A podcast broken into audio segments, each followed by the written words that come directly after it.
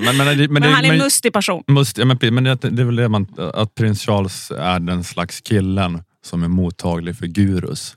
Alltså- Absolut. Mustiga, mustiga män som är gurus Mm, och verkligen. som har eh, stora hemmasnickrade teorier om allt. Alltså han känns ju, alltså, helt enkelt skulle han ju kunna vara ett jättestort fan av Jordan Peterson. Absolut. Liksom. Laurens van Apostel är kanske Ja. någon form av proto-Jordan Peterson. Ja. Så han har det lite grann då som, som kanske en svaghet jämfört med sin mamma. Då. Mm.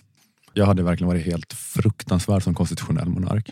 Alltså, jag, alltså apropå allt det här. Det hade varit rakt igenom hemskt. Fruktansvärt spektakel hade det varit hela tiden. Hur Med- har det varit då menar du? Nej men bara med den där liksom, eh, nu jag har hört om en teori, alltså jag vet inte, att det bara varit så jävla jävla jobbigt hela tiden. Att här, nu har kungen läst en bok, eller en halv bok, och nu, nu ska han förklara hur det ligger till med, med ekonomisk politik. Liksom. Men, Jag tror Sveriges bästa konstitutionella monark hade varit Amanda Schulman. ja okej. Mm. Hon är väldigt bra på det här att bara liksom ställa liksom intresserade frågor. Och liksom, Det kanske hon det, man måste tänka så. på att eh, Ja. åka omkring i olika liksom, kommuner. Och, Mm. om man fick rösta på konstitutionell monark skulle jag rösta på henne. Ja men det är nog så man ska tänka om man ska byta till eh, republik då. För att man är så här, i princip för det. Men samtidigt förstår man hur jävla B det kommer bli i jämförelse. Liksom. Att, för att det är alltid så här, ja, det, är typ, det är ju typ Lars Leijonborg som väljs till president i sådana här republiker liksom, i Finland och Tyskland och så vidare. För att det är någon sån avdankad mittenpolitiker som är lagom harmlös om de röstar fram till president. Och jag menar om Sverige hamnar i Ukrainas situation, om Ryssland invaderar. Alltså, men ni kan ju bara tänka er själva drottning Victoria eller president Lars Leijonborg. Liksom, även om du är republikan, vilket du såklart är om du tänker logiskt, så det är ändå svårt att stå på sig att jag tycker att det hade varit bättre med president Lars Leijonborg som går framför trupperna.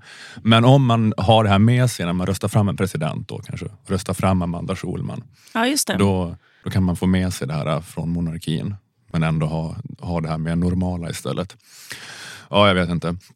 Men eh, Jag skulle, hon skulle vara helt otrolig. Dels bara att så här, klä sig, sminka sig och sen så, så här, gå runt och liksom varmt trycka folks händer och kanske besöka ett sjukhus. Och just det. liksom, eh, väldigt intresserad av att prata med allt från liksom en kärnfysiker till en eh, Mm, liksom, eh, gruvarbetare.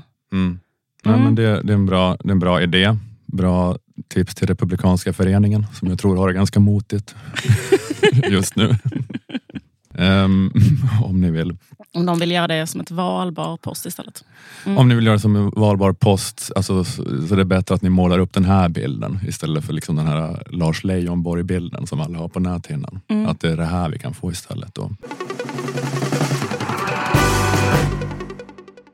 Det här var ett litet smakprov. För att eh, lyssna på detta avsnitt, gå in och köp en prenumeration för endast 29 kronor i månaden på underproduktion.se stormens utveckling. På underproduktion finns också info om hur du gör för att lägga in prenumerationsfeeden av Stormens utveckling i din poddapp, eh, vilket är att eh, föredra för smidigt lyssnande. Och när du har gjort det så behöver du då inte den här gratisfiden som du är i nu, eh, eftersom att även gratisavsnitten dyker upp i prenumerantfeeden.